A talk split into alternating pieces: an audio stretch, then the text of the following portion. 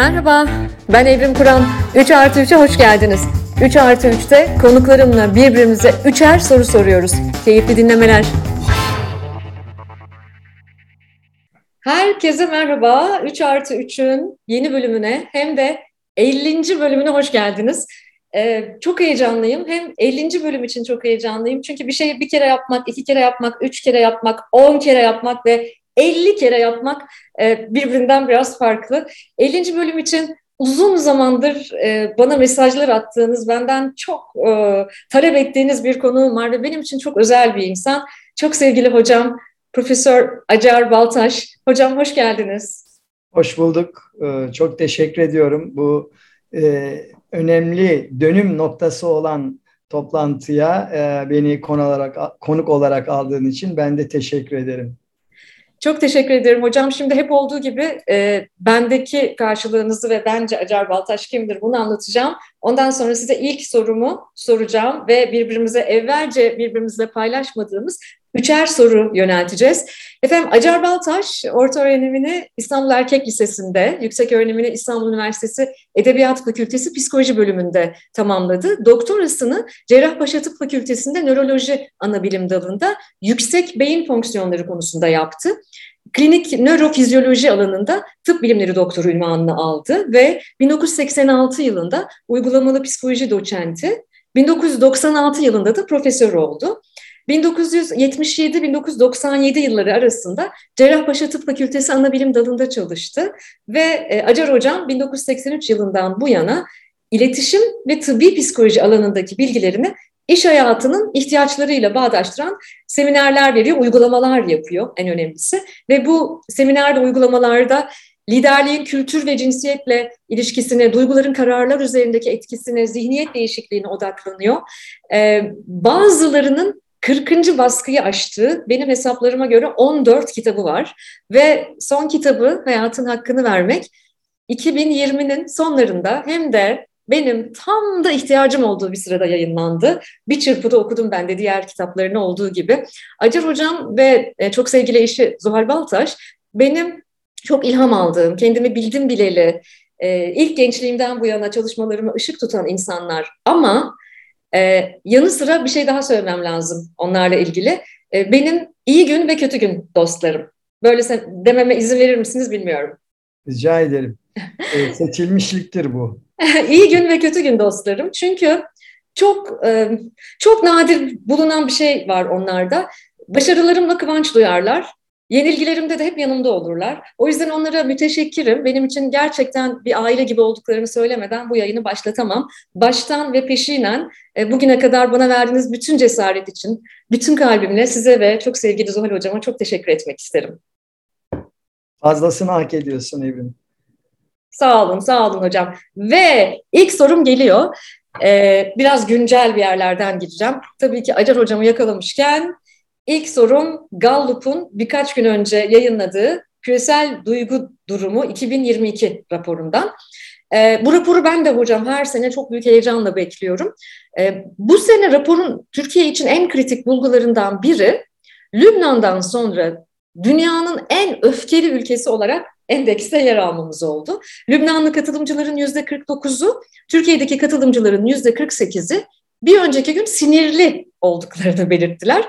Ee, öte yandan Türkiye aynı araştırmanın olumlu deneyim endeksinde Afganistan ve Lübnan'dan sonra en düşük skora sahip üçüncü ülke. Siz bu durumu çok güzel özetlediniz kısa bir süre önce. Dediniz ki Türkiye'de umutsuzluk ve çaresizlik pandemisi yaşanıyor. Hocam sorun buradan geliyor. Umutsuzluk ve çaresizlik bulaşıcı mı? Bu pandemiden nasıl kurtulacağız? Ee, bir de bir televizyon yayınında hemen bunu da eklemek istiyorum. Çok hoşuma giden bir şey söylediniz. Günümüzde anne babaların kolektif hezeyan yaşadığından da bahsettiniz. Biraz bunu da eklemlemek istiyorum bu soruma. Biz bu kolektif hezeyandan e, nasıl kurtulacağız? Kurtulmazsak başımıza neler gelir? Sorun buradan geldi size. E, bu umutsuzluk ve çaresizlik pandemisi bulaşı mı, bulaşıcı mı? Tabii ki bulaşıcı. Yani pandemi zaten hani kontrol edilemeyen bir salgın. E, umutsuzluk, çaresizlik de öyle. Yani çok bilinen bir klişe. Dünyadan aldığımız karşılık dünyaya verdiğimize bağlı.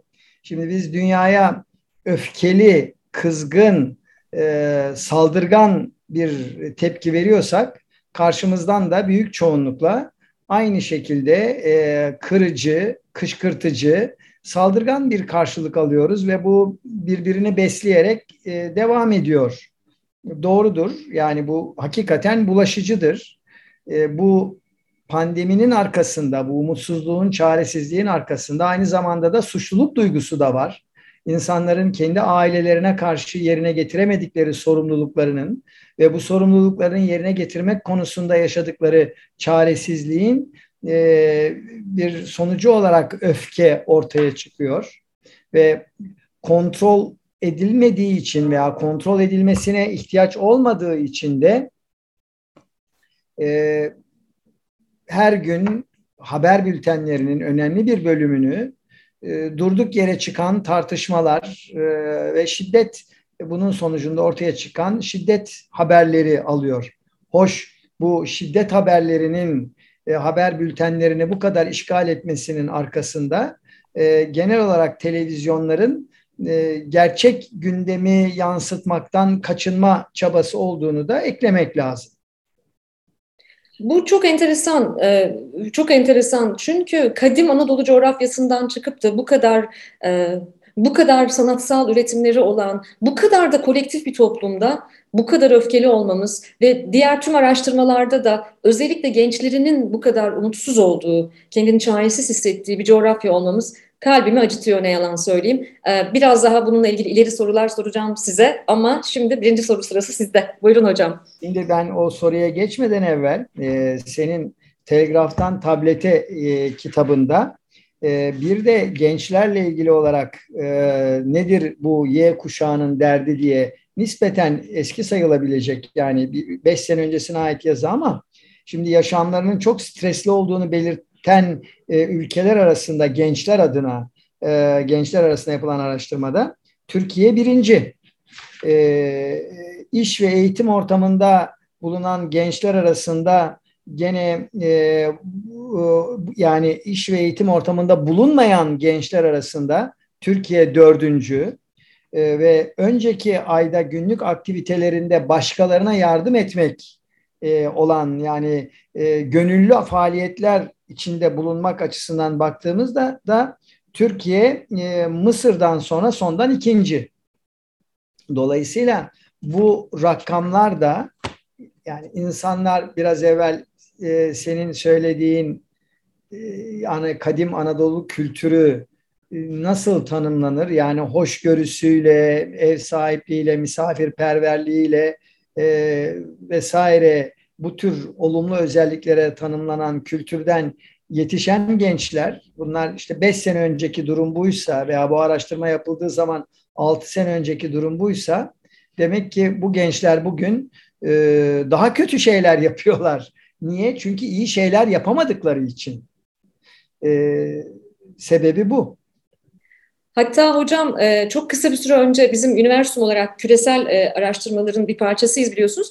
E, bir nabız ölçümü yaptık. Birkaç gün önce sonuçları geldi. O nabız ölçümünde bu sefer Z kuşağının yani bugün 20 yaşından daha genç gençlerin kendini nasıl hissettiğine dair e, stresli mi, nasıl baskı altında mı hissettiğine dair yeni bir nabız yoklamasından çıktık. Bütün dünya sonuçlarıyla beraber geldi hocam karşılaştırmalı analiz e, ve tabii ki birinci sıradayız. E, bütün kıtalarla, e, bütün 61 ülkedeki varoluşumuzda yaptığımız bir karşılaştırmalı analizdi. Şu an ne yazık ki Türkiye gençliği %48 ile birinci sırada kendimi çok stresli hissediyorum diyor ve daha öğrenciler daha gerçek yaşantıya ıı, görece adım atmadılar. E, demek ki 5 yıl önce telgraftan tablete ilk çıktığından bu yana pek bir yol kat etmemişiz. Biraz da geri gitmişiz hocam. E, şimdi Aydın Boysa'nın e, Allah rahmet eylesin kendisiyle çok defa bir arada bulunma şansını elde ettiğim değerli ve nadir insanlardan biriydi e, söylediği bir e, söz dolaşıyor bugünlerde ortada. E, 1930'lu yıllardaki çocukluğumu özlüyorum demişti. Yani e, fakirdik, e, e, çok iyi beslenmezdik, e, üstümüz başımız e, çok iyi değildi. Ama e, gururlu bir ülkenin umut dolu vatandaşlarıydık e, diyor. E, şimdi bu yani umut dolu olmak çok önemli. Çünkü umut e, gelecekle ilgili olumlu şeyler beklentisi içinde olmak demek ve bunun anlamlı olması için de bir e, hedefi, planı ve bu planında bir eylem içermesi gerekir. E, o zaman e, rahmetli Aydın Boysan e, bu umudu işaret ediyordu diyelim. Ve, Muhteşem. Muhteşem söylemiş. Çok güzel, çok etkileyici. Allah rahmet eylesin. Allah rahmet eylesin. Evet hocam. E, vallahi ben biraz önce e, e, Beyhan Budak'la konuştum, değerli meslektaşımız, senin de yakından tanıdığın. E, o yani gençlere ne önerin olur dedi. Ben dedim ki erken evlenmeyin. Şimdi e, onun verdiği ilhamla sen gençlikle çalışan bir insansın ve bu konuda da deneyimlerin var. ee, sen kendi yaşam yolculuğundan yola çıkarsan e, bildiğim iki evlilik yaptığın e, ne söylersin gençlere? Yani bu ne öğrensinler senin bu iki evliliğinden? Hocam Hocam vallahi beklemiyordum bu soruyu. Ama tabii ki şahane bir soru. Beyhancığıma da buradan selamlar, sevgiler. Ee, şimdi ben de e, erken evlenmemeleri gerektiğini düşünüyorum. Bir de e, çok sevgili e, Gülcan Özer de der ki aşıkken evlenmeyin. Azıcık ona pas atayım. aşıkken evlenmeyin. Ama şimdi bir taraftan da e, Baltaş çifti, e, Acar Baltaş, Zuhal Baltaş benim hayatımda gördüğüm nadir, e, muhteşem bir evliliği olan ve Böyle onları gördüğünüzde ay bir daha mı evlensem falan dedirten bir çifttir. Fakat ben mesela birinci evliliğimi çok erken yaptım. 24-25 yaşlarımda birinci evliliğimi yaptım. Çok uzun sürmedi o. Ee, çok sitayişlandığım biridir e, kendisi her zaman. Ee, ikinci evliliğimi de işte e, 30'larımın başında yaptım. Yani e, bir süre sonra yaptım bu evlilikleri de. Ee, galiba Gülcan Hoca'nın söylediği e, şeyi e, kriter alabilirim e, aşıkken evlenmeyin diye gençlere. Bir de hocam şöyle yapıyorum. Biraz şakayla karışık. Genç arkadaşlarla evlilik konuşurken şey diyorum. Kitap okumuyorsa evlenmeyin. Biraz metaforik olabilir ama mesela bir gazeteyi eline aldığında sadece e, üçüncü sayfayı, sadece beşinci sayfayı ya da sadece arkadaki spor sayfasını okuyanla veya e, farklı e, ilgi alanları olmayan ve gerçekten güzel bir kütüphanesi olmayan, kitaplara yatırım yapmayan, okumayan, e, çünkü bu biraz ruhsal zenginlik de getiriyor. Bence bunlar önemli. Ben evlilikte çok başarılı olamadım. Bir müessese içerisinde yaşamakla ilgili belki tutunamadım diyelim. Bu bugüne kadar 46 yaşıma kadar iki tane başarısız evliliğim oldu. Ama Galiba yine Gülcan Hoca'nın söylediği bir şey hatırlıyorum. Bazı evlilikler de öyle kolay kolay bitmiyor. Tıpkı iş hayatı gibi. İş hayatını evliliğe benzetiyorum hocam. Gülcan Hanım şey diyor, e, devam edemeyecek kadar kötü, bitirilemeyecek kadar iyi diyor bazı evliliklere. İş hayatı da böyle ya yani bir türlü böyle hep şikayet ediyorsun. Bağlılığın düşük ama bir türlü de istifa edip gitmiyorsun falan. Gençlere önerim evlenmeyin değil de evlendiyseniz de e, şikayet ediyorsanız boşanın, korkmayın demek isterim. Peki, güzel. Zaten e, Beyhan'ın sorusu içinde bu aşk da vardı. Ben de e, hormonların etkisindeyken karar vermeyin demiştim ki biraz evvel e, senin söylediğinle bütünüyle örtüşüyor. Çünkü evet değil mi hocam? Shakespeare'in sözüdür. Aşkın gözü kördür sözü. Bugünkü e, araçlarla biliyoruz ki gerçekten insan aşık olduğu zaman e, beynindeki eleştiri noktası kapanıyor. Yani bu söz bilimsel olarak da doğru. O göz işte hormonların etkisi azaldığında yaklaşık iki sene sonra açıldığında işte insanlar e, kusurları, sorunları görmeye başlıyor. O zaman da belki e, işte bunları değiştireceğini düşünmemek. E, çünkü beyana da aynı şeyi söyledim erkekler eşlerinin değişmeyeceğini düşünerek, kadınlar da değişeceğini düşünerek evleniyorlar. Ama hocam ben mesela gerçekten samimi söylüyorum, itiraf bu. Ben mesela e, Dedim ki ben bir daha evlenmem. Yani bu yaştan sonra çocuğum da var, düzenimi de kurmuşum. Ne evleneceğim falan. Ama ben ne zaman Zuhal hocamla ve sizinle vakit geçirsem ay evlensem mi acaba diye düşünmüyor değilim. Bana ilham veriyorsunuz. Vallahi onu söylemem lazım. Çünkü yani e, öyle bir enerjiniz var ki ben böyle size bakınca acaba gerçekten aşk böyle devam ediyor mu bir ömür diye düşünmeden edemiyorum. Ediyor mu acaba hocam yoksa o başka bir şey mi ne o? Teşekkür ederim. Ee, yani e, şöyle söyleyeyim. Gerçekten bizim aramızda o gerginlik e, yani duygu gerginliği yaşıyor. E, ben kütüphanede tanıdım eşimi e, bölüm kitaplığında yani biraz evvel senin e, kitap okuma e, e, koşuluna uyan bir şekilde ve biz hala aynı masanın iki ucunda e, çalışarak günlerimizi geçiriyoruz ve bunu böyle yaptığımız için de kendimizi iyi hissediyoruz. Yani ortak heyecan insanları birleştiriyor. E, bizim de ortak heyecanımız e, öğrenmek, yeni şeyler öğrenmek, bunu paylaşmakla ilgili ve birbirimize olan ilgimiz e, bu şekilde devam ediyor. Teşekkür ederim bu gözlemin için ve ben sana da şunu söyleyebilirim. E, yani bugünkü aklınla yapacağın seçim çok daha doğru olacaktır.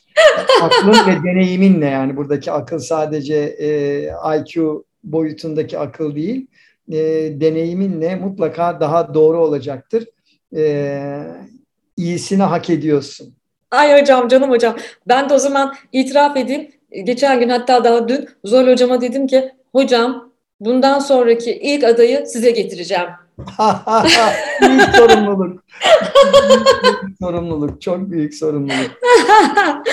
ne güzel, ne tatlı. Ee, yine umut veren sohbetler bunlar. Ve ben buradan ikinci soruma geçiyorum. Mutluluk soracağım tabii ki size. Mutluluğu çok kafaya taktık. Ee, şirketler de taktı. Çalışan mutluluğu falan filan gibi çok büyük laflar söylüyorlar. Ee, mutluluk e, nedir mutluluk? Kendimizi aşan bir amaca mı hizmet etmek? Keyif mi, haz mı? Mutluluk mu? Biz bunları birbirinden nasıl ayırt edeceğiz? Bunu size sormak isterim. Çünkü sizin tanımınızla üç mutluluk düzeyi var. Bunu dinleyiciler de duysun isterim. E, ve e, ben mesela mutluluğun çok peşinde olmamaya, daha çok anlamlı bir hayatın peşinde olmaya gayret ediyorum ama e, siz ne diyorsunuz hocam? Şimdi mutluluk için benim söyleyeceğim e, yani e, senin açtığın yoldan ilerleyeyim. Bu bu arada e, sıkça tekrarlanır oldu. Bundan da memnunum. Benim de küçük de olsa katkım var. İnsanlar hazla mutluluğu karıştırıyor. Yani iyi yaşantılar, iyi olma hali, keyifli olma haliyle mutluluğu karıştırıyor. Şimdi bu haz yani pleasure, hedonizm İngilizcesi karşılığı. Ve insana haz veren şeyler neler?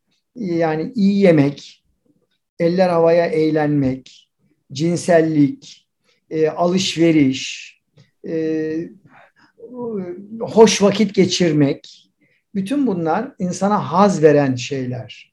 Ancak bunlar işte bir e, süre sonra yani karşılandığı zaman, tatmin olduğu zaman yeni bir açlık periyodu başlıyor.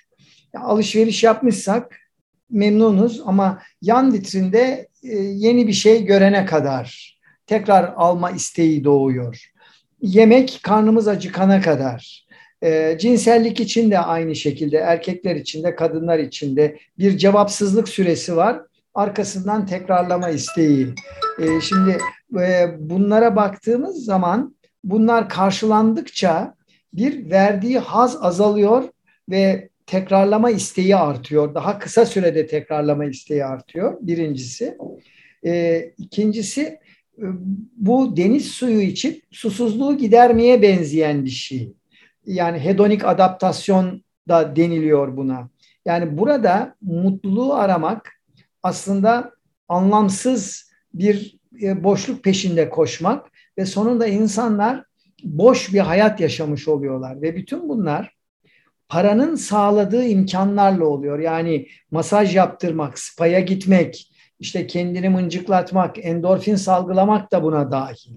Ve bütün bunların aracı iyi yemek, alışveriş, e, eller havaya eğlenmek, işte spa'ya gitmek bunların hepsinin aracı para. Bu tatlı hayat sunuyor birinci düzeyde mutluluk. İkinci düzeyde mutluluk e, e, insana zamanı unutturan bir aktivite, bir etkinlik içinde olmak. Yani okuduğumuz bir kitapta zamanı kaybetmek, dinlediğimiz bir müzikte zamanı kaybetmek, e, yaptığımız sporda zamanı kaybetmek.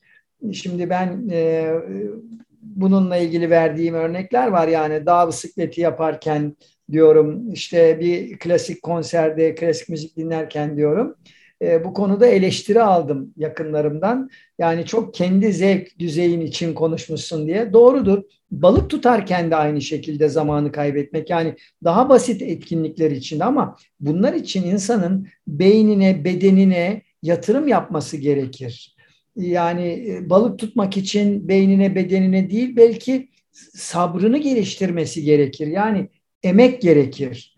Şimdi İngilizce zaten mutluluk happiness. Hangi kelimeyle akraba? Happen kelimesiyle akraba yani eylemle akraba. Eylem içinde mutluluk. Psikologların akış hali dedikleri şey. Zamanı kaybetmek, hatta bazen mekanı kaybetmek. Yani o kadar hoşnut olmak ki. Ama bunun için dediğim gibi beynine, bedenine yatırım gerekir. Bir arkadaşınla spor, siyaset dışında fikir düzeyindeki bir konuda sohbet ederken zamanı kaybetmek. Ama dediğim gibi bunlar için hep yatırım gerekiyor. Üçüncü düzeyde mutluluk kendini aşan bir amaca hizmet etmek. Kendini aşan amaca hizmet etmekle e, mutlu olmak. Şimdi bu iki yolla oluyor. Ya din yoluyla oluyor. Çünkü kutsal kitaplar insanlara Tanrı yoluna kendilerini adamalarının sonunda e, ulaşacakları ödülü ve bunun vereceği ebedi mutluluğu vaat ediyorlar kitaba uygun yaşarsanız bu manuel bir el kitabı e, orada her türlü e, yaptırımı ve ödülü tanımlanmıştır. Veya din dışı yolla kendini aşan bir amaca hizmet etmek. Yani bu sokak hayvanlarını korumaktan mültecilere yardım etmeye, e, ormanları korumaya, e, taşa toprağa gerçekten sahip çıkmaya e, uzanan yani canlı ve cansız her türlü kendini aşan bir amaca hizmet etmek yolunda ayrılan zamanı içine alıyor. Şimdi gönüllü hizmette gençler Türk dünyada en kötü ikinci dipten ikinci sıradaysa mesela bu mutlaka teşvik edilmesi gereken bir şey. Bu tür faaliyetler içine giren insanlar başlangıçta ayırmayı düşündükleri zamandan ve maddi katkıdan çok daha fazlasını ayırmaya başlıyorlar. Neden? Aldıkları has sebebiyle. Dolayısıyla e, yani üçüncü düzeyde mutlulukta kendini aşan bir amaca hizmet etmekle mümkün. Ama bunun için aile sofrasında kaç aldın, kaçıncı oldun veya işte şunu aldık şu kadar paraydı şimdi bu kadar para e, ne kadar isabetli bir yatırım yapmışız yani satın alma ve maddi konuların dışında konulara ihtiyaç var. İşte kime yardım ettin, kimin başarısına katkıda bulundun, senden daha şanslı, az şanslı olanlar için ne yapıyorsun gibi konuların aile içinde konuşulması gerekiyor ki kişi kendini dünyanın merkezi zannetmesin. Çünkü bugün gençlerin, insanların önemli bir bölümü kendilerini dünyanın merkezi zannediyorlar. Bir düşünür demiş ki kendisi için yaşayanın ölümünden dünya karlı çıkar. Dolayısıyla kendimiz dışındakiler içinde bir şeyler yapmak hayata değer katmakla insan hayata anlam buluyor. Aynı şekilde yani bu vicdan gelişimiyle ilgili bir şey. Vicdan gelişimine bakmadığımızda insanlar sadece kendilerini nedeni belli olmaksızın her şeye hakları olduğuna inanıyorlar. Yani tabii hepimizin saygıya, paraya, e, sevgiye ihtiyacı var ama hak etmek kaydıyla. Ve bunu doğru yoldan yapmak kaydıyla. İşte vicdan bunu geliştiriyor. Şimdi vicdanı gelişen insanlar aynı zamanda toplumun da vicdanına bakmaya başlarlar. Aydınlar da toplumun vicdanıdır. Çünkü vicdan rahatsız etmek için vardır. Yani vicdan azabı duymak veya vicdan azapta gibi iki tane deyimimiz var Türkçe'de. Ee, yani rahatlatan vicdan olmaz. Geçen gün bir genç grupla konuşuyordum. İş sahibi insanlar bunlar. İşte nerede e, sınırı çizeceğiz dediler. Dedim yani şüphe düştüğünüz, şüpheye düştüğünüz yer sınırdır. Ve muhtemelen de ihlal yapıyorsunuzdur. Ee, onun için e, yani vicdan rahatsız etmek için var. Aydınlar da toplumun vicdanı olduğu için onların da toplumu rahatsız etmesi gerekir. Toplumu rahatsız etmeyen aydınla aydın denmez, entelektüel olabilir. Aydın ve entelektüel farklı bir şey. E, dolayısıyla ezilenden yana değil, ezenden yana olan, e, güçsüzden yana değil, güçlüden yana olana aydın denmez. E, ne denir? Herkes kendi zihninde bir şey bulsun. E, ben tanımlamayayım onu. E, dolayısıyla yani insan sıkıntı çekerek, acı çekerek de mutlu olabilir. Bu perspektiften bakınca. idealleri uğruna yaşayan insanlar, değerleriyle yaşayan insanlar çektikleri sıkıntılarla mutlu olurlar. Ee, yani okuyucu dinleyicilerin için e, özellikle kadın dinleyicilerin için e, önemli bir e, isim söyleyebilirim e, hayatıyla ilgilenmeleri için. Lou Salome e, Lou Salome e, dünyada gelmiş geçmiş en yaman kadınlardan biridir. Yani zaten Lou Salome yazdığınızda karşınıza çıkacak isimlere bakarsanız kadının hayatına girmiş olan erkeklere e, o zaman kalibresini e, görürsünüz. Niye Lou Salome'den söz ettim? Aklıma geldi. E, dünyada her şeyin bir bedeli vardır. En ağır bedel de mutluluğun bedelidir diyor. Wow. Wow. Dolayısıyla yani mutluluk yolda yaşanacak bir duygu, bir varış noktası değil. Ben de bilinen bir klişeyle tamamlamış olayım. Bir de biliyor musunuz siz böyle bunları anlatırken ben tabii hayranlıkla dinliyorum her zaman olduğu gibi ve aklıma bir yandan da ikinci yeninin büyük ismi Cemal Süreyya geldi. Cemal Süreyya şey diyor ya kim istemez ki mutlu olmayı ama mutsuzluğa da var mısın? bunun çok kuvvetli bir davet olduğunu düşünüyorum. Çok güzel. Çok güzel. Cemal Süreyya çok e, zevkle okuduğum ve pandemi dönemindeki e, sunuşlarında e, bir ara her gün Deniz Bayramoğlu ile öğlen bülteninde e, bir küçük sohbet yapıyorduk beş dakikalık. Mutlaka sonuna da bir dize sıkıştırmaya gayret ediyordum. Cemal Süreyya en çok başvurduklarımdan biriydi. Evet, harika. Ve hocam ikinci soru sırası sizde. İkinci soru e, e, şu. E, ben 8 yıl Harp Akademisi'nde ders verdim.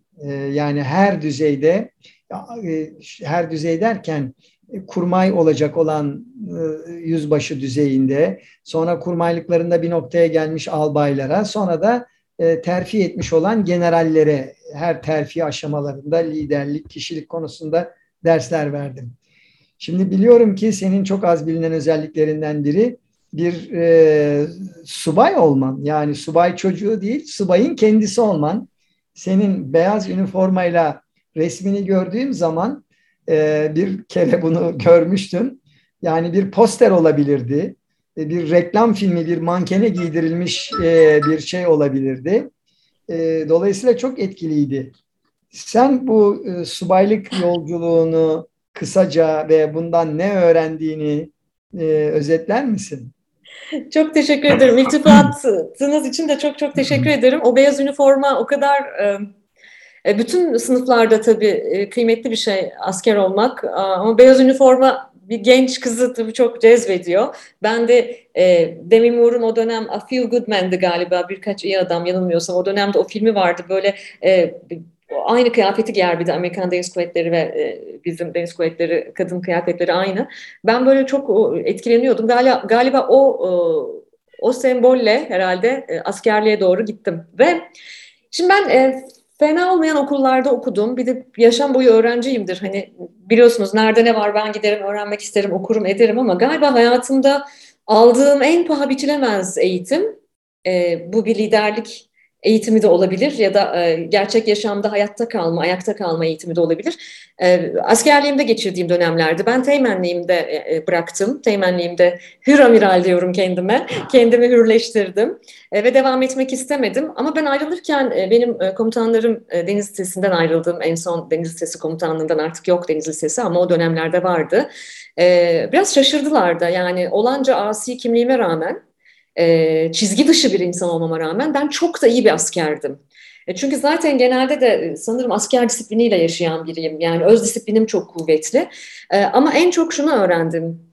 O söylenen söz var ya hocam Nietzsche'nin seni öldürmeyen şey seni güçlendirir. Ben onun gerçekten süslü püslü bir laf olmanın ötesinde e, ne kadar gerçekçi bir şey olduğunu öğrendim ve ondan sonra hep kendime şunu söyledim. Karşılaştığım zorluklarda bir girişimci olarak, bir kadın olarak, yıllar sonra bir göçmen olarak, e, karşılaştığım türlü sıkıntılarda hep şunu hatırladım. Sen e, askeriyede, askerde son derece erkek egemen bir ortamda aslında kadınların varoluşuna hiç de uygun olmayan bir ortamda ayakta ve hayatta kaldın ve kendin kalabildin. Üniformanın içinde dahi kendin kalabildin.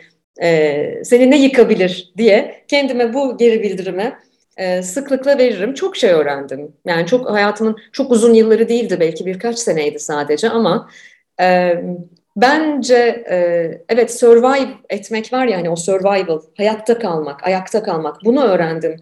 E, bir lokma pilavın ne kadar kıymetli olduğunu öğrendim mesela asla e, bir e, acı pornografisi, yoksulluk pornografisi yapmak istemiyorum ama ben e, karavana yemek yerken o karavana saatlerinin ne kadar kıymetli olduğunu öğrendim. Yatılı bir erkek okulunda çalışıyor olmaktan, anaların babaların evlatlarını ne kadar özlediklerini ve devletin bağrına e, emanet ederken ne kadar kalplerinin parçalandığını da bir taraftan ama gurur da duyduklarını öğrendim. Sonra e, üniformaların, ünvanların, e, altın tepside 3 yılda veya 6 yılda bir verilen o titrlerin ötesinde üniformanın içindeki insanın en kıymetli kişi olduğunu öğrendim. Ve ne olursa olsun çok çalışmamız, asla pes etmememiz gerektiğini öğrendim. Müteşekkirim. Yaşadığım bütün zorluklara orada, benim hayatımı çok zorlaştıran herkese e, ama benim asker olmamı e, motive eden ve sağlayan komutanlarıma da e, müteşekkirim. Gerçekten çok şey öğrendim ve hocam ne öncesinde ne sonrasında gittiğim hiçbir okulda ve aldığım hiçbir formal eğitimde e, o kadar kuvvetli öğretilerim olmadı. Çok güzel. E, ayrıca yani e, sen o üniformanın içinde benim gördüğüm resimde Demir Mur'dan daha iyiydin. Görse kıskanır. Vallahi hocam gerçekten evet bu fotoğrafları gün ışığına çıkarmanın vakti geldi o zaman.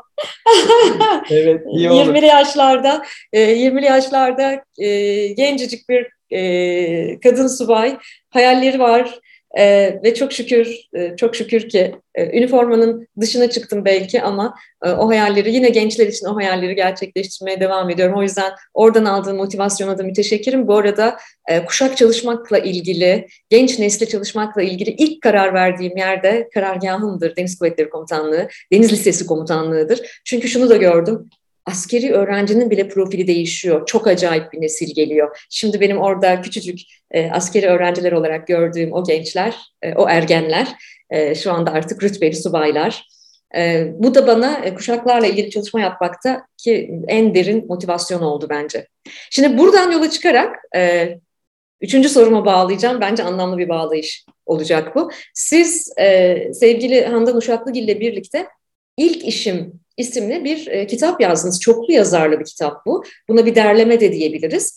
E, birbirinden çok farklı meslek gruplarında, toplumda farklı işler yapan insanların e, davet edildiği bir kitaptı bu. Ve bu kitapta bu insanlar ilk işlerinden bahsettiler ama çok da bilinmeyen ilk işlerinden bahsettiler. E, daha e, çoğu belki 15, 16, 14, e, 17 yaşlarında yaptıkları ilk işlerden bahsettiler. Ben de çok gururla e, bu kitabı kitaplığımda taşıyorum. Gittiğim yerlerde armağan da ediyorum. E, ben de e, kendi ilk iş deneyimini e, oraya koyan, e, katkı koyanlardan biri olmaktan dolayı çok mutluyum. Bu kitapta anlatılanların, bu kitabın ortaya çıkış sebebinin ben özellikle sizin için çok önemli olduğunu biliyorum.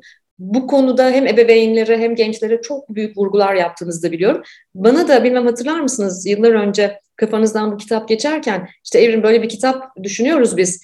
E, sen de yazmanı istiyorum ama e, kesinlikle e, formal kariyerini, kurumsal hayatını, girişimciliğini falan yazmak istemiyorum dediğiniz için ben de pazarcılık deneyimimi yazmıştım. e, daha reşit bile olmadan önce bir pazarda çalıştığımda o pazarda e, ne kadar başarısız e, olduğumu hatırlıyorum şu anda da ve karşı stand, standda standlar vardı. O bir ucuzluk pazarıydı, giyim pazarıydı Ankara'da e, ve karşı e, standda e, ayakkabıcı bir abimiz vardı. O abimizden öğrendiklerimi yazmıştım ben de kitaba. Bunun gibi pek çok hikaye var. E, bu kitabın e, yola çıkışında, ortaya çıkışında e, ve bu kitabın ortaya koyduğu bulgularda e, sizin için kıymetli olan ne ve bizi dinleyen ebeveynlere de gençlere de buradan yola çıkarak ne söyleyelim? Sadece kitabı okumaları da yetmez. Sizin vurgularınızı duymak istiyorum hocam. Şimdi kitap aslında ilk işim ancak insanların kendi meslekleriyle ilgili işleri değil, bu insanların özellikle öğrencilik yıllarında, eğitim sürelerinde, eğitim hayatları içinde yaptıkları işten, kendi mesleklerinin dışında yaptıkları işten öğrendiklerini yazdıkları, e, Handan arkadaşımın çok titiz bir şekilde çünkü insanların kendi yazdıklarını bozmadan ama okunabilir hale getirmek e, yeniden yazmak kadar zor bir şey. E, Handan arkadaşımın da bunu son derece başarıyla yaptığı bir çalışmaydı. E, başına o kariyer planlama ile ilgili. Ben de anne babalara çocuklarını yetiştirirken neyle karşılaşacak yani nasıl bir yol izlemeleri ile ilgili bir e, giriş yazdım yani 15'er sayfadır. Onun dışında da insanların kendi hikayeleri içinde tanınan insanlar olduğu gibi bilinmeyen de birçok kişi var. Oradaki e, orada benim hikayem de var. Yani 54 hikaye var. Bir tanesi senin, bir tanesi benim, e, bir tanesi Handan'ın. E, dolayısıyla bu hikayeler aslında insanların e, okul diplomasıyla edindikleri bilgi ve beceri e, kadar değerli olan yaşam becerilerini hatta okuldaki bilgi ve becerilerini, teknik bilgilerini hayata yansıtmalarında aracı olacak olan temel katalizatör katalizatör yaşam becerilerini edinmeleri için bir fırsat olduğunu ortaya koyuyor. Yani işte çocuk çalışsın, paranın değerini anlasın meselesi değil. O en son çıktı. Esas olarak karar versin, sorumluluk alsın, yetişkin dilini öğrensin, e, aldığı kararların sonuçlarıyla karşılaşsın, e, ilham veren insanlarla karşılaşsın, benzemek isteyeceği, hiç benzemek istemeyeceği insanlarla karşılaşsın ve bütün bunlar onun ileride hayatını şekillendirecek son derece değerli deneyimler. Yani zaman düzenleme, çatışma çözme, müzakere gibi e, birçok yaşam becerisi aslında işte insanların hayatta girdikleri bu ilk iş deneyimlerinde kazanılıyor. Ee, çocukların ailenin refahına değil hayatına ortak oldukları e, süreç içinde aile içinde sorumluluk almak, ailenin hayatına katkıda bulunmak, e, bütün bunlar ben çocuk gelişim uzmanı değilim, genç gelişim uzmanı da değilim. Her toplantıda bunu söylüyorum ama bu çocuklar aynen senin kuşak çalışmalarında olduğu gibi yetişkin olup karşıma geldikleri zaman yönetici olarak veyahut da işte o gençleri e, yönetmeye başladıkları zaman yaşadıkları zorlukları gördüğüm için benim bu çalışmalarım yani bu yazdıklarım ve bu çalışmayla göstermek istediğim aslında premortem otopsi diyoruz biz buna. Yani otopsi hoş bir kelime ama hani e, olduktan öldükten sonra değil tam tersine olmadan önce anne babalara yol göstermeyi amaçlayan bir çalışma. Çünkü anne babalar çocuklarının hayatını kolaylaştırdıkça ve onlar onlar adına problem çözdükçe e, onlara iyilik ettiklerini zannediyorlar. Halbuki çocukların hayatını gereğinden fazla kolaylaştırmak, onlara sorumluluk vermek, problemleri onlar adına çözmek, çocukların problem çözme becerilerini ve hayatta başarısızlıklarla karşılaştıkları zaman kullanacakları stratejileri ve yöntemleri öğrenmelerine engel olan çok önemli bir adım, bir e, engel oluşturuyor. Harika. Kulağımıza küpe olması gereken, ebeveynler olarak kulağımıza küpe olması gereken bir konu. Çünkü sonrasındaki e, e, olumsuz etkilerini erken yaşta sorumluluk almamanın çok sık görüyoruz ve bu yüzden de yılmazlığını çocuklarımızı nasıl geliştireceğiz diye soran ebeveynlere sıklıkla bırakınız problem çözsünler, bırakınız gerçek hayatta gerçek e, sorunlarla yüzleşsinler demeye devam ediyoruz. Sizden yani aldığımız ışıkla. Şöyle e, hani ayağına taş değmesin, dua mı beddua mı diyorum ben. Tam tersine yani e, mümkün olduğu kadar ayağına çok taş değsin ki o taşları nasıl bertaraf edeceğini öğrensin. Harika. E, Fernando Pessoa geldi şimdi de aklıma. E, orada diyor ki e, önüme e, pek çok taş çıktı ama ben o taşlardan bir kale inşa ettim. O yüzden ayaklarına taş değmesi gerekiyor çocuklarımızın gerçekten. Ve hocam zaman su gibi aktı yine. Son soru sırası sizde. E, son soru olarak şunu söyleyeyim. Ben geçen gün e, sonuçlarımı e, böyle bir elden geçirirken Y kuşağı ile zamanında yapmış olduğum bir sonuç geldi elime. E, sonra da Z kuşağı ile ilgili bir şeylerle karşılaştım. Baktım ki birbirine çok benziyor. Y kuşağı ve Z kuşağı ile ilgili yazılanlar. E, özellik olarak belirtmiş olanlar yani saydama toplananlar. E, bir slayta topladıklarım. Bunu e, şöyle senin esas çalışma alanın ve konun olduğu için e, bütün herkeste bir zihin berraklığı yaratacak şekilde kolayca cevaplayabileceğini düşünüyorum. Çok güzel soru çünkü gerçekten ben de bunlarla çok karşılaşıyorum. Daha bugün e, Türkiye'nin önemli iletişimcilerinden birinin bir Z kuşağı yazısını okudum ve e, hiçbir kritik bulgu, ayrıştırıcı bir unsur ve yeni bir bilgiyle karşılaşmadım. E, bir kere şunu çok net bir şekilde ortaya koymamız lazım. Z kuşağı e, diye tanımlanan e, bence özellikle Türkiye'de 2000'den sonra geldiğini varsaydığımız gençlerin e, çözmeleri gereken daha fazla problem olduğu için elbette yaşama karşı e, umutsuzlukları, karamsarlıkları önceki kuşağa göre daha yoğun. Ama belirgin bir patern olarak önceki kuşağın e, komüniteye yani topluluk olmaya, toplum olarak topluluk olarak hareket etmeye daha e, eğilimli olduğunu düşünüyorum. Z kuşağını ise daha pasif agresif buluyorum. Dolayısıyla e, e, daha bireysel de olabilirler bu manada. Pasif agresif buluyorum. Bazen onları tanımlarken Sun Tzu'nun Çin İmparatoru Sun Tzu'nun şu sözü geliyor aklıma. Kim savaşmak istemeyenle savaşabilir ki? O yüzden ben harekete geçirmenin daha zor bir nesil olduğunu, harekete geçirmek daha zor bir nesil olarak Z kuşağını görüyorum. Hayattaki anlam arayışı konusunda daha fazla talebi olan bir nesil olduğunu düşünüyorum. Yani Y kuşağının daha hedonist olduğunu, Z kuşağının ise anlam arayışında daha çok desteklenmesi gereken bir kuşak olduğunu düşünüyorum. Çünkü içine doğdukları bağlam böyle. Şimdi politik açısından e, e, işte e, iklimi düzeltmek isteyeninden iş dünyasına kadar herkes onlara emanet ediyor problemleri. Diyor ki biz çözemedik şimdi Z kuşağı geldi onlar çözecekler. Gereğinden fazla e, sorumluluk atfediyoruz onlara da. O yüzden de ben daha sıkışmış bir kuşak olduğunu, daha içe dönük bir kuşak olduğunu, dolayısıyla da özellikle psikolojik sermaye anlamında daha çok desteklenmesi gereken bir kuşak olduğunu düşünüyorum. Çünkü artık yetişkin olmaya başladılar ve iş dünyasında farklı bir liderlik anlayışı sergileyebilirler. E, daha az takım çalışmasına yatkın olduklarını da düşünüyorum önceki nesle göre. Bunlar daha belirgin e, olan ayrımlar hocam ama yoksa şöyle tanımlamakta kolay biliyorsunuz. Ay çok dijitaller, o kadar dijitaller ki dijitalin içine doğmuşlar. Hayır öyle değil. Mesela Türkiye'de 81 e, ilin bazı illeri var ki pandemide EBA sistemine hiç erişemedi. Çünkü fiber e, internet altyapısı uygun değildi. O zaman ben Türkiye'nin dört bir tarafındaki Z kuşağı çok dijital ve hep dijital kaynaklara erişimi çok iyi ve kolay ulaşıyor diye ezbere bir yaklaşım sergileyemem. E, birbirine de hiç benzemeyen Z kuşakları da var zaten.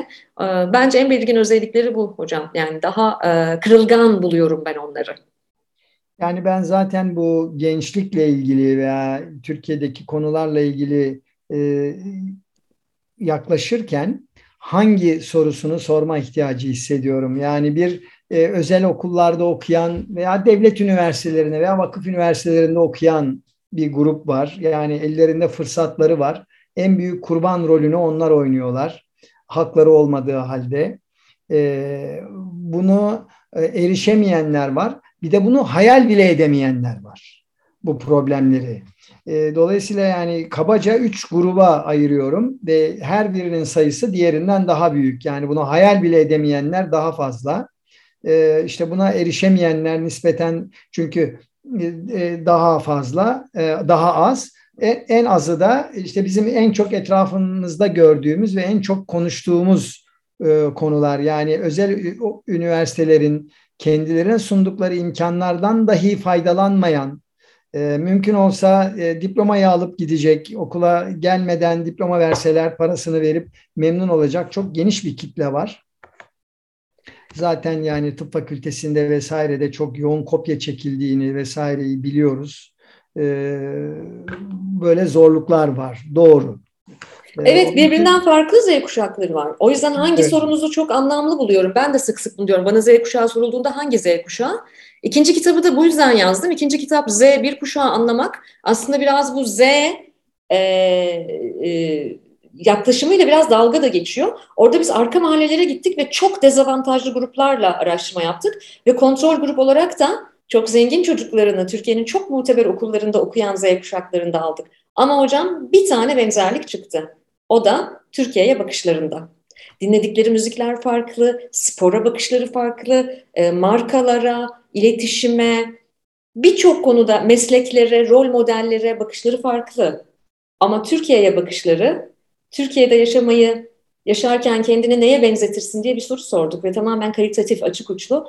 İki grupta hocam, yani o kolej çocukları da, özel okullarda okuyan çocuklar da, arka mahallelerde çok dezavantajlı hayatlar yaşayan Z kuşağı da, ikisi de kendini kuşa benzetti. Benim için çok kritik bir bulguydu bu. Bir grup e, arka mahallede yaşayan kafesteki kuşa benzetti e, yüksek gelir grubu çocuklar da uçamayan kuşa benzetti. Bence bu çok kritik bir bulguydu. Onun üzerine ben zaten özellikle yüksek gelir grubu uçamayan kuşa benzetince göç araştırması yapmaya karar verdiğim zaman da o zaman hocam. Muhtemel bunları biz lise çağından itibaren göç vermeye başlayacağız sanki. Bu kuşlar uçmak isteyecek sanki e, gibi bir izlenimim olmuştu. O yüzden de sonra da zaten üçüncü araştırma kitabım geldi. Yani birbirine benzemeyen bir Z kuşağı var ama hangi sosyoekonomik seviyede olursa olsun Türkiye'de yaşam, yaşamakla ilgili desteğe ihtiyaçları var. Yine sizin söylediğiniz bir şeye referans vermek istiyorum. Ama arka mahallenin daha yılmaz olduğunu gördük ve daha ümit var olduğunu gördük hocam. Evet, bu da e, yani ben e, geçen benim belki de aldığım en büyük ödüllerden biri şu oldu. Bir öğretmenlerle yaptığım bir toplantıda e, devlet okullarındaki öğretmenlerin de katıldığı bir toplantıydı bu hayat ve mücadele ve yılmazlıkla ilgili konuştuğumdan sonra yanıma bir öğretmen geldi ve dedi ki biliyor musunuz dedi ben çocuklara bakıyordum ve onlarla ilgili olarak çok büyük bir umutsuzluk yaşıyordum. Hiçbir şansları yok diye düşünüyordum. Aslında dedi öyle olmadığını e, bu bu konuşmanız bana bunu düşündürdü, hissettirdi. Yarın başka bir e, güçle enerjiyle gideceğim okula dedi. Harika. Harika ve karanfil elden ele Edip Cansever'in evet. söylediği gibi. Siz karanfili elden ele e, geçiren çok e, çok önemli birisiniz. Bizim için, evet. Türkiye için ve e, bu 3 artı 3'ün sonuna geldik ama biz hep birlikte sizinle bir sürü yaratıcı fikirlerde hep buluşuyoruz. Yine buluşacağız. Ben e, bu bölümü kapatırken sizin son kitabınız Hayatın Hakkını Vermekten e, çok sevdiğim bir pasajı e, paylaşmak istiyorum dinleyiciyle de. Çünkü anlam arayışındaki her iyi yaşam her zaman yapım aşamasındadır. Her yaşamın içinde arkadaş, eş, çalışan, yönetici, anne baba gibi farklı roller vardır ve bu rollerin hepsi birer yolculuktur. Yol insanı terbiye eder. Ömürlerimiz sınırlı ancak hayat sınırsızdır. Hocam sınırsız haz, sınırsız keyif, sınırsız öğrenme fırsatı veriyorsunuz. Bana, meslektaşlarıma, meslektaşım olmayanlara, hepimize iyi ki varsınız. Çok teşekkür ediyorum. İyi ki geldiniz 3 artı 3'e. Teşekkür ederim. E, bu sözleri duymak boşa yaşamadığımızı hissettiriyor. Çok teşekkür ediyorum. E, ben de yolunuz açık olsun diyorum bu güzel programlarla çok daha renklilerini, nicelerini yapmanız dileğiyle.